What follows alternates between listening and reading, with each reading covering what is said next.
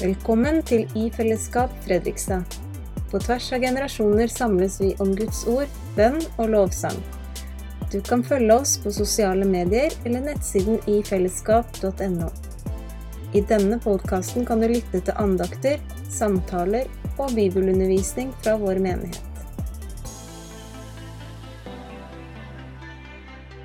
Og i dag så skal vi jo snakke om frelse. Eh, og egentlig så er det det, med, det jeg skal snakke litt om i dag, har egentlig vært noe som har eh, betydd veldig mye for meg det siste året. Altså, frelse betyr alltid. Hver dag mye for meg. Men akkurat dette som jeg skal dele i dag, har vært noe som har Jeg har tenkt ekstra masse på det siste året, faktisk. Hva, og liksom, egentlig, hva sier Guds ord om evangeliet? Eh, hvorfor trenger vi Jesus? Hva gjorde Jesus? Eh, og i dag er, om jeg ikke tar feil, det er reformasjonsdagen i dag. Er det ikke det? Jo, så det passer egentlig ganske bra òg, fordi frelsen, det er jo eh, Vi er frelst av nåden alene, ved troen alene, ved Jesus alene. Og det er det jeg håper vi skal få se bare litt ekstra tydelig i dag. For når vi snakker om frelse, så leder det oss til korset og få se faktisk hva skjedde på korset, og hvorfor er egentlig korset så enormt stort og viktig for oss. Men først skal vi be.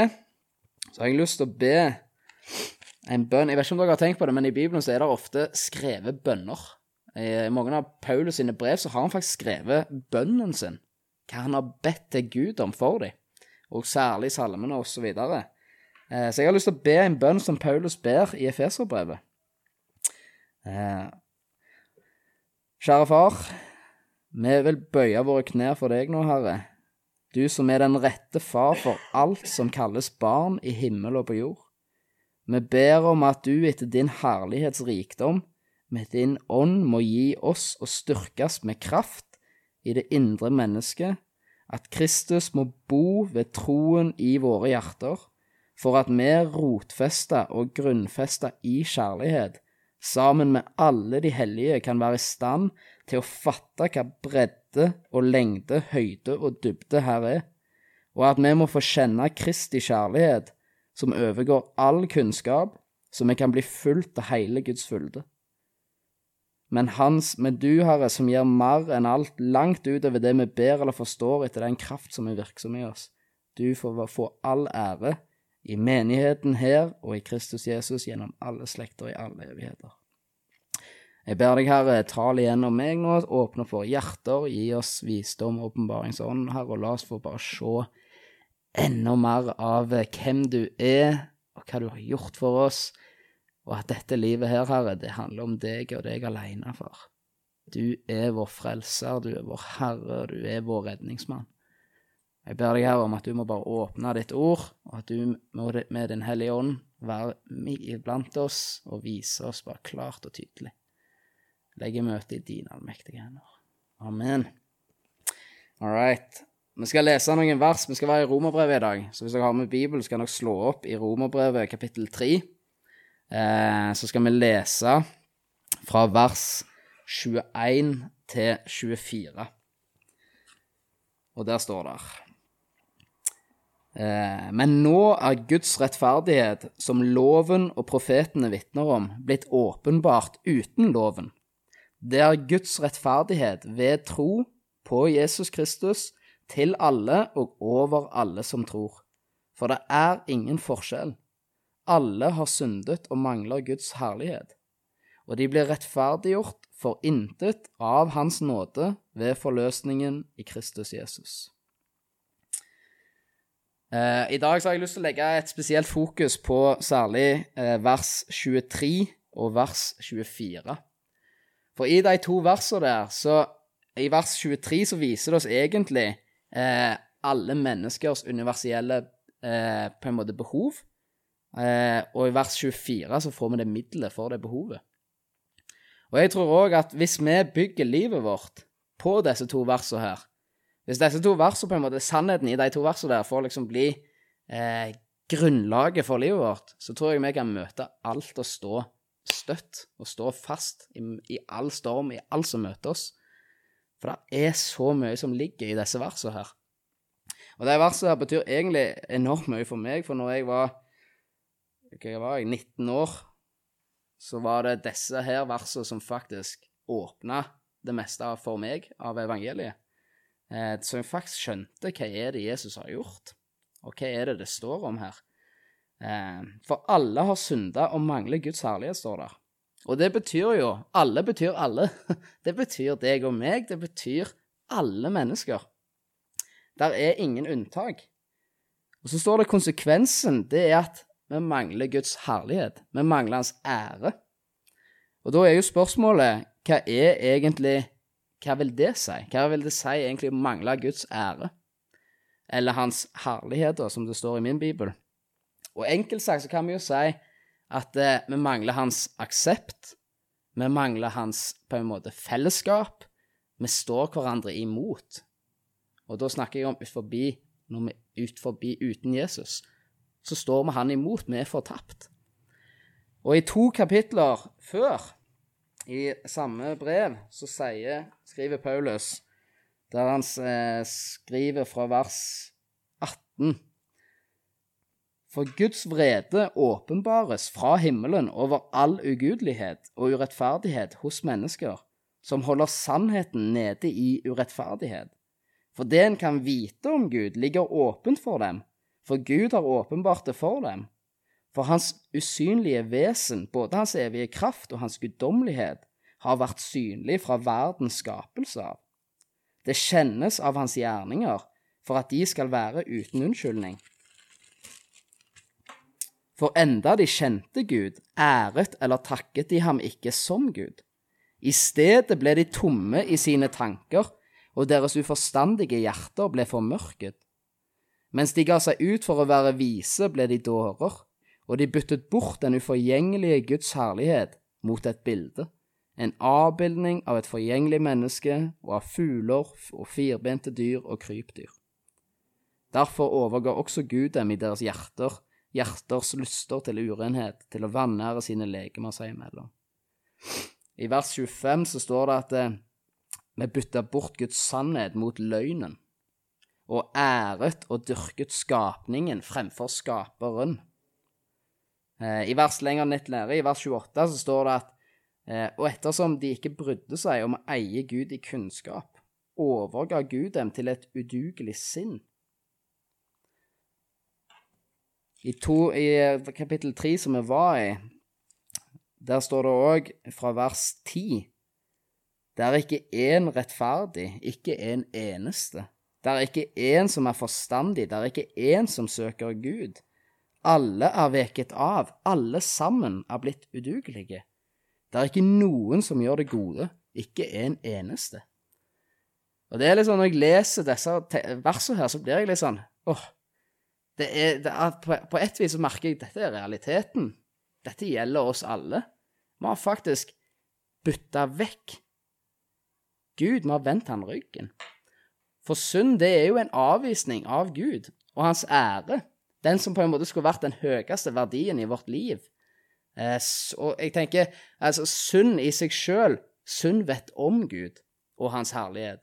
Men i stedet for å elske Gud og, og verdsetter hans ære, så bytter synden ut Guds ære for noe annet. Du gir imot Gud. Vi har vendt han ryggen. For synd, det har jo hovedsakelig med Gud å gjøre. Eh, synd har ikke Altså, det skader ikke hovedsakelig mennesker, selv om synd gjør enormt stor skade på mennesker. Men synd er hovedsakelig så er det å fornærme Gud det er å snu seg vekk ifra han og hans ære, der vi ikke stoler lenger på han, vi verdsetter han ikke, vi ønsker ikke han som grunnlag og sentrum for vårt liv. Og det står at alle har synda og mangler Guds ære. Vi valgte han vekk. Vi ville ikke ha med Gud å gjøre, vi ville ære og ha skapt det han har skapt, istedenfor skaperen. Vi elska eh, det skapte, og vi bytta bort hans herlighet mot et bilde, står det av et forgjengelig menneske. Og dette er egentlig sånn det, det, er sånn, det er vanskelig å egentlig ta det til seg hva dette vil si, for det, det er jo egentlig et vanvittig stort problem for oss. Eh, og det er et problem for alle mennesker. For hvordan skal vi få rett med Gud og bli frelst fra denne gudsfornærmende tilstanden som mennesket er i på grunn av synd? Hvordan skal vi bli akseptert av Gud når vi har så å si regna han som skrap, og egentlig behandler han som han var mindre verdt enn alt på jord? Og det er det vi skal snakke litt om i dag, fordi Bibelen presenterer et dilemma for oss. Og disse versene som vi leste i dag, så er det et dilemma som blir på en måte presentert, men det blir òg besvart. Eh, for hvordan kan du og jeg ha med Gud å gjøre når vi er så fulle av synd? Når alt vi sier, tenker og gjør til en viss grad fornærmer Gud og hans ære? Det står i Jesaja 64 at all vår rettferdighet, altså alle våre gode gjerninger, blei som et ureint klesplagg.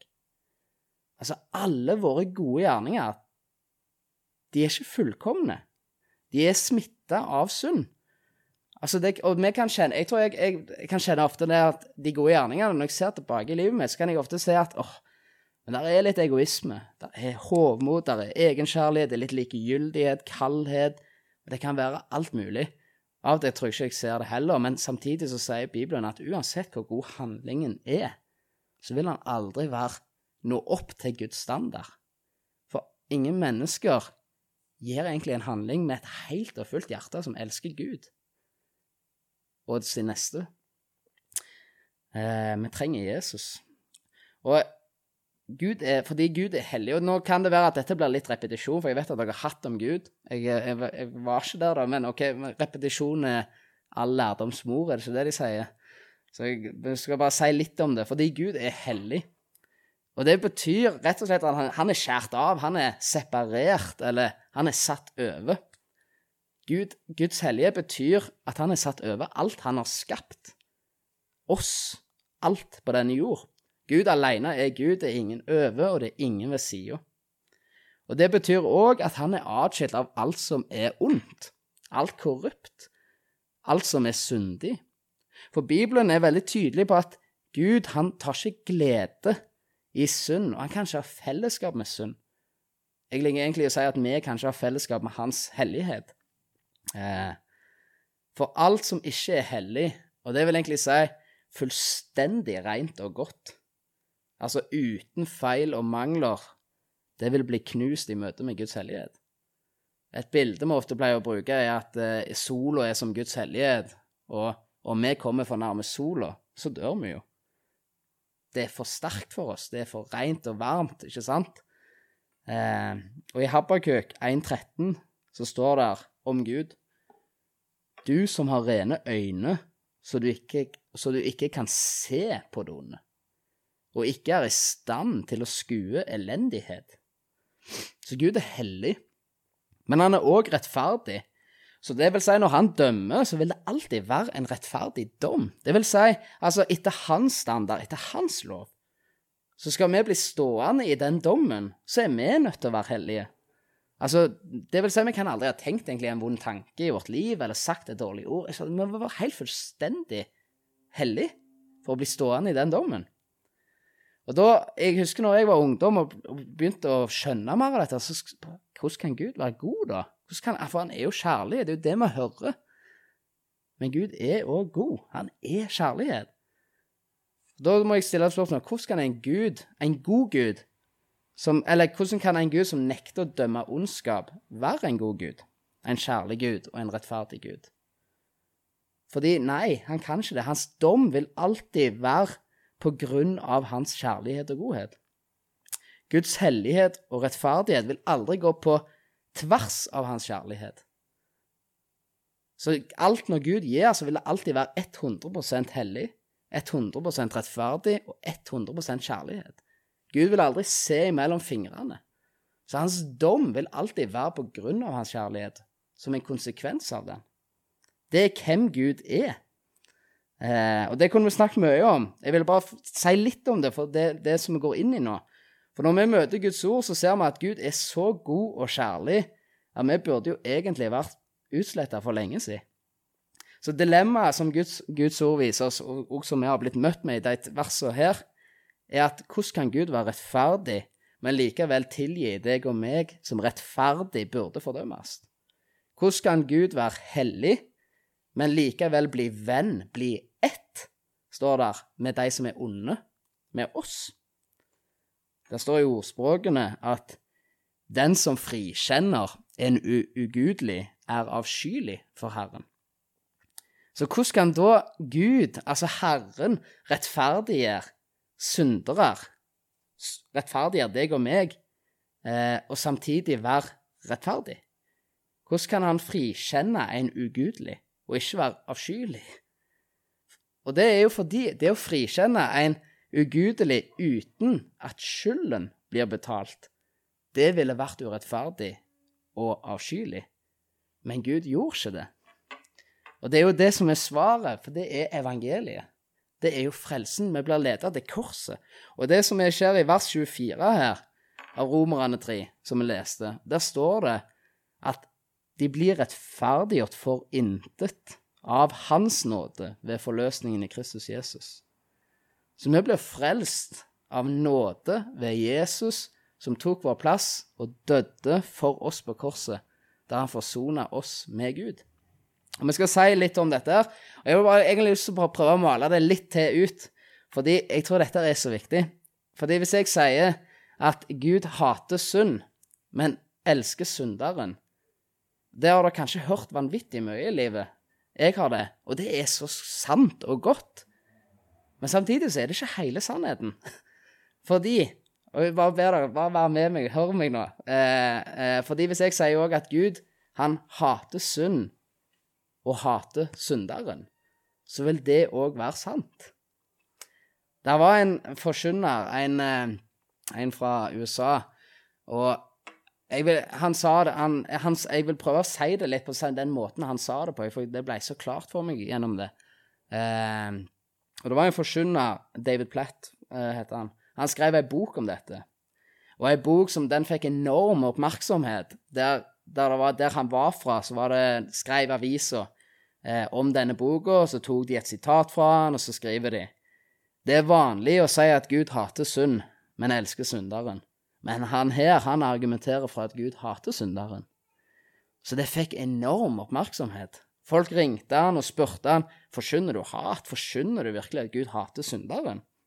Og så sier han dette er problemer vi kan få ofte når vi siterer Bibelen. Og så tok han oss med til Salme 5 og Salme 11. Jeg skal lese det, der det står i Salme 5 fra vers 5 til 7. For du er ikke en Gud som har behag i urett. Den som er ond, får ikke bo hos deg. Overmodige får ikke stå fram for dine øyne. Du hater alle som gjør urett. Du lar dem som taler løgn, gå til grunne. Herren avskyr den blodtørstige og svikefulle mann. Og I noen kapitler videre, i Salme 11, vers 5-7, så står det Herren prøver den rettferdige, men hans sjel hater den onde og den som elsker vold. Han lar snarere regne ned over de ugudelige. Ild og svovel og glødende vind er den del de får i sitt beger. For Herren er rettferdig. Han elsker rettferd. De oppriktige skal se hans åsyn. Og det er ganske heavy vers. Eh, og dette er ikke isolert i Bibelen. Vi møter det flere ganger i Bibelen, og, og i Nytestamentet. For i Johannes 3 der møter vi kanskje de mest kjente versene om Guds kjærlighet, men kanskje òg de mest oversette versene om Guds vrede. Og det som er litt viktig å huske på når vi leser disse versene, det er at det, altså dette hatet og den vreden vi snakker om, det er ikke et hat og vrede som vi mennesker har, og som vi kjenner oss igjen i, men det er et hellig hat, et hellig, en hellig vrede, som er en konsekvens av hans kjærlighet. Så spørsmålet er, er det sant at Gud hater synden, men elsker synderen? Ja, det er det på et vis absolutt. Men er det òg sant at Gud hater synd og hater synderen? Ja. Og dette er så viktig, for jeg tror det er grunnleggende for å forstå korset. Fordi når vi ser Guds vrede for synden, så er det ikke som at synden er noe som er utenfor oss. For jeg tror vi har en tendens til å tenke at eh, når Jesus dør på korset, så døde han for min lyst, mine ureine tanker, eh, mine løgner, mine ord, Altså, jeg, Vi kan tenke at han døde for gjerningene som om synden er noe ut forbi oss. At han tok den liksom syndene våre som om de ikke egentlig var en del av oss. Eh, men realiteten er jo at synden er i bunn og grunn den vi er. Vi er syndige tvers igjennom. Og det er umulig å separere synden fra synderen. For Gud så, han dømmer jo ikke synden i seg sjøl, men han dømmer den som gjorde han. Og synden er den vi er. Problemet ligger i oss, står der. I Matteus 15 så står det Men det som går ut av munnen, det kommer fra hjertet. Og dette er det som gjør mennesket urent. For fra hjertet kommer onde tanker, mord, hor, utukt, tyveri, falskt vitnesbyrd, spott. Disse tingene er det som gjør mennesket urent. Så vi ser at det kommer ikke ut forbi oss, men det er fra innsida hos oss, fra hjertet. Så når Jesus døde på korset, så var ikke det for å dø for synden som om den var ut forbi oss. Nei, han tok vår plass. I Jesaja 53 så står det han ble slått, han ble plaga, han ble såra, han ble knust for våre misgjerninger. Så gjorde han det i vår plass. For han tok Guds fulle vrede som du og jeg skulle ha hatt på grunn av vi er syndere. Og vi er det. Vi er som sauer som har gått oss vill, står det. Gud er hellig og har et hellig hat og vrede mot synderen. Og Gud er kjærlig og har en hellig kjærlighet for synderen. Så hvordan kan Gud vise et hellig hat og hellig kjærlighet mot synderen? Mot deg og meg? Det er spørsmålet i Bibelen. Og svaret er korset. For på korset så viser Gud sin fulle vrede. Jesus han ble såra, han ble slått av Gud. Han ble knust, står der. Og Herren lot den skyld som lå på oss alle, ramme ham, står det Jesaja. Han ble knust for synd og synderen. Deg og meg, og han gjorde dette for oss. Så hater Gud synderen. ja, se på korset. Elsker Gud synderen? Ja, så absolutt. Se på korset. For der utsletter han det. I noen vers, eh, kapitler, mener jeg, tidligere i Jesaja, så står det Jeg, jeg er den som utsletter dine misgjerninger for min skyld, og dine synder kommer jeg ikke i hu. Han vil ikke huske de lenger. Det betyr ikke at han har fått hukommelsestap. Gud vet alt. Men det fantastiske med evangeliet det er at Gud vet om alle syndene du har gjort, alle syndene du har tenkt, følt og sagt. Men ved Guds nåde, ved Jesus, så tilregner han oss ikke noen av dem. Og skylden og straffen som vi skulle ha hatt på grunn av det, den tok Jesus på seg. Han døde for deg, fordi han elsker deg. Og det står i Hosea at eh, når Guds hellighet og rettferdighet møter Guds kjærlighet, for deg, så vrenges hjertet hans. Altså, hjertet hans vrenges for deg. Det gjorde at Altså, det, det som skjer da, er at alt det som vi skulle ha hatt og fortjent, all den straffen vi skulle ha hatt, det gjorde at han sendte Jesus, sin egen sønn, for å ta det. Hjertet vrengtes, så han sendte sin egen sønn for at hver den som tror på han, ikke skal gå fortapt, men ha evig liv. Fordi Gud han krever en betaling. Gud krever en dom for den synden som er begått. Og det fikk han i Jesus, som på korset tok på seg alt. All straff og all skyld som vi skulle ha hatt, og han gikk og bytta plass med oss. Og dette var det hans kjærlighet som gjorde for oss. Og i det verset litt seinere i Romerbrevet kapittel 3, som vi starta i, der står det i vers 26 Ved dette ville Gud vise sin rettferdighet i den tid som nå er, så han kunne være rettferdig og rettferdiggjøre den som, tror, som har troen på Jesus. Her står det at Gud han viste sin rettferdighet på korset for at han kunne òg rettferdiggjøre oss. Så korset er svaret på dilemmaet.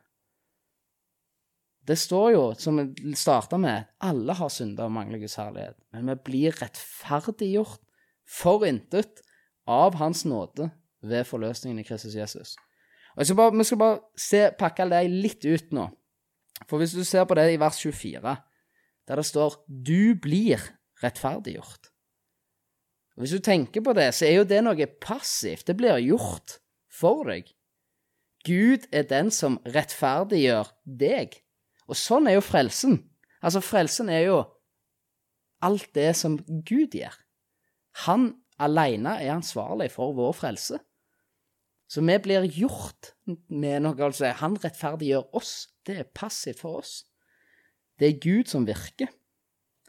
Og når du rettferdiggjør noen, altså Altså, du kan stå rettferdig for Gud som om du aldri skulle ha falt eller gjort en eneste syndig handling hele ditt liv. Når du blir rettferdiggjort, så blir du erklært rettferdig. Du blir erklært uskyldig og blir tildelt en frihet, din frihet. Så rettferdiggjørelsen, det er jo ikke en, det er ikke en handling fra Gud som gjør deg rettferdig, men det er en handling som erklærer deg rettferdig. Rettferdig i Jesus. Og så står det at det er for intet. Så vi blir dette for intet. Det er en gave til oss. Det er en gave til deg, og du kan ikke betale for dette her. Du kan ikke kjøpe den rettferdiggjørelsen. Det er en gave, og den er helt gratis. Det er noe vi skal få ta imot. Eh, og det står at det er på grunn av Hans nåde. Det blir ikke stilt krav til deg. Ingen gjerning eller arbeid Ingenting. Absolutt ingenting. Du skal få det for intet av Hans nåde. Ved forløsningen i Kristus Jesus. Og da kan du spørre ja, hva vil det si å bli forløst? Jeg tror det står sikkert eh, eh, Står det frihet i 2011, kanskje? Men det å si Frikjøp står der. Det, og det å bli forløst og frikjøpt, bruker ordet forløst, eh, og det er han, du er løst ifra noe. Du har blitt satt fri. Du er blitt løslatt til en pris, ved en betaling. Og det er et ord som er på en måte innebygd i det ordet, og det er løse penger. Så en forløsning er en løslatelse ved betaling av løsepenger. Og da er, hva er den løsepengen? Det òg sier jo Bibelen så klart i Markus 10. Der står det For menneskesønnen, altså Jesus, han er ikke kommet for å la seg tjene, men for sjøl å tjene og gi sitt liv som løsepenge i mange sted. Så løsepengen er prisen som må bli betalt for å sette en fange fri, og Jesus er løsepengen som ble betalt i vår forløsning. Han ga sitt liv for å sette deg og meg fri. Fri fra skyld, skam, fordømmelse fri fra synden, lovens forbannelse, fri fra helvete, fri fra djevelens bånd. Alt skyldes Jesus og hans død for deg og meg. Han betalte prisen. Det betyr at du kan ikke betale noe nå. Det er allerede betalt. Jobben er allerede gjort. Og den forløsningen her, den, det står at den ligger ikke i deg, men den ligger i Jesus. Så da er spørsmålet hvordan kan vi få ta imot den rettferdiggjørelsen og forløsningen, da? Hvordan, og egentlig frelsen. Det er jo det det er. For det, vi kan ikke betale, for det er en gave. Vi kan ikke vise til noen gjerninger fordi det er av Hans nåde. Så hvordan skal vi få ta del i det? Og svaret er jo i vers, det er gitt i vers 22, der det står 'ved tro'. Vi skal få ta imot alt imot ved troen alene. Ved nåden alene. Og dette er til oss, til deg som venner deg til Jesus, helt hjelpeløst. Uten noen form for betaling eller gjerning, men som kommer med tomme hender og sier 'jeg vil stole helt og fullt på deg' og få ta imot, og jeg vil tro på deg og din nåde, jeg vil ta imot din nåde. Og så tror jeg vi ofte kan kjenne på de følelsene at eh, men jeg vil i hvert fall prøve å gjøre noe som jeg fortjener det litt, i hvert fall. Sånn at på dommens dag så kan jeg vise til noe, i hvert fall et litt godt liv, sånn jeg føler meg sikker. At det er nesten som jeg føler vi vil gjøre noe bare for å sikre oss den frelsen. At det er bra, det er nåde, det er for intet, bare ved tro. Men jeg må gjøre noe, i hvert fall, så jeg sikrer meg det på dommens dag. Den følelsen kjente jeg lenge på. Og den får jeg av til ennå. Nesten er det sånn Jeg må bare gjøre noe, i hvert fall. Eh, men så er det et fint bilde på det, syns jeg. For hvis en tigger hadde kommet til deg på døra i dress, og gullringer hadde kjørt Teslaen sin opp til døra di og kommet og tigga om penger, ville hans fine klær og gullringer ha hjulpet denne tiggeren? Han hadde sikkert ingenting, han trengte alt. Han var helt blakk. Men han kom i dress og fine ringer og ville bare ta på seg for han ville shine seg litt opp. Hadde det hjulpet han? Nei, ville du ha sagt. Du ville ha kalt han en bedrager som prøver å lure til seg noe. Om denne tiggeren hadde kommet akkurat som han var, om det var i de skitneste fillene av noen klær, så ville den situasjonen ha vært helt annerledes. Sånn er det òg med oss i møte med Gud. Om vi vil ta imot rettferdiggjørelsen og forløsningen i Jesus, altså frelsen, så må vi komme akkurat som vi er. Som en tigger. I de ureine klesplagger, som det står om Jesaja. I skitne filler for sannheten er den at vi har absolutt ingenting å vise til. Vi burde bli fordømt, men av Hans nåde så skal vi få komme. For Jesus elsker oss, og han sier 'kom som du er'. Og til den som kommer til meg, vil jeg slett ikke støte ut, står det i Johannes 6. Om du er den verste synderen av de alle, eller den minste, så er vi nødt til å komme til Jesus alle, alle mann. Eh, vi er nødt til å gå til Han med all vår synd, med hele vårt liv. Så vil Han sette oss fri. Og hvorfor? Fordi vi kan få se på korset. Der kan vi se hvorfor. Hvordan det går an. Der er frelsen. Uten noen betaling, uten noen fortjeneste. Alt av Hans nåde. Så skal vi få stå rein og rettferdig himmelen verdig i Jesus. Han frikjenner oss, han frikjenner Men det vil òg si, han frikjente ikke skylden vår. Dommen vår, alt det gale vi har gjort. Men det tok Jesus på seg, sånn at vi kunne bli frikjent fra det. Så i Jesus alene, ved nåden alene, ved troen alene, så blir vi frelst. Vi blir frelst fra synd, djevel og helvete, frelst fra oss sjøl, frelst fra Guds vrede, frelst for Gud, til Gud, til Hans ære. Og det er fullbrakt. Det er det store. Det er jo derfor vi feirer hver søndag. Det er fullbrakt. Er, alt er gjort. Vi skal bare få komme og ta imot. Amen.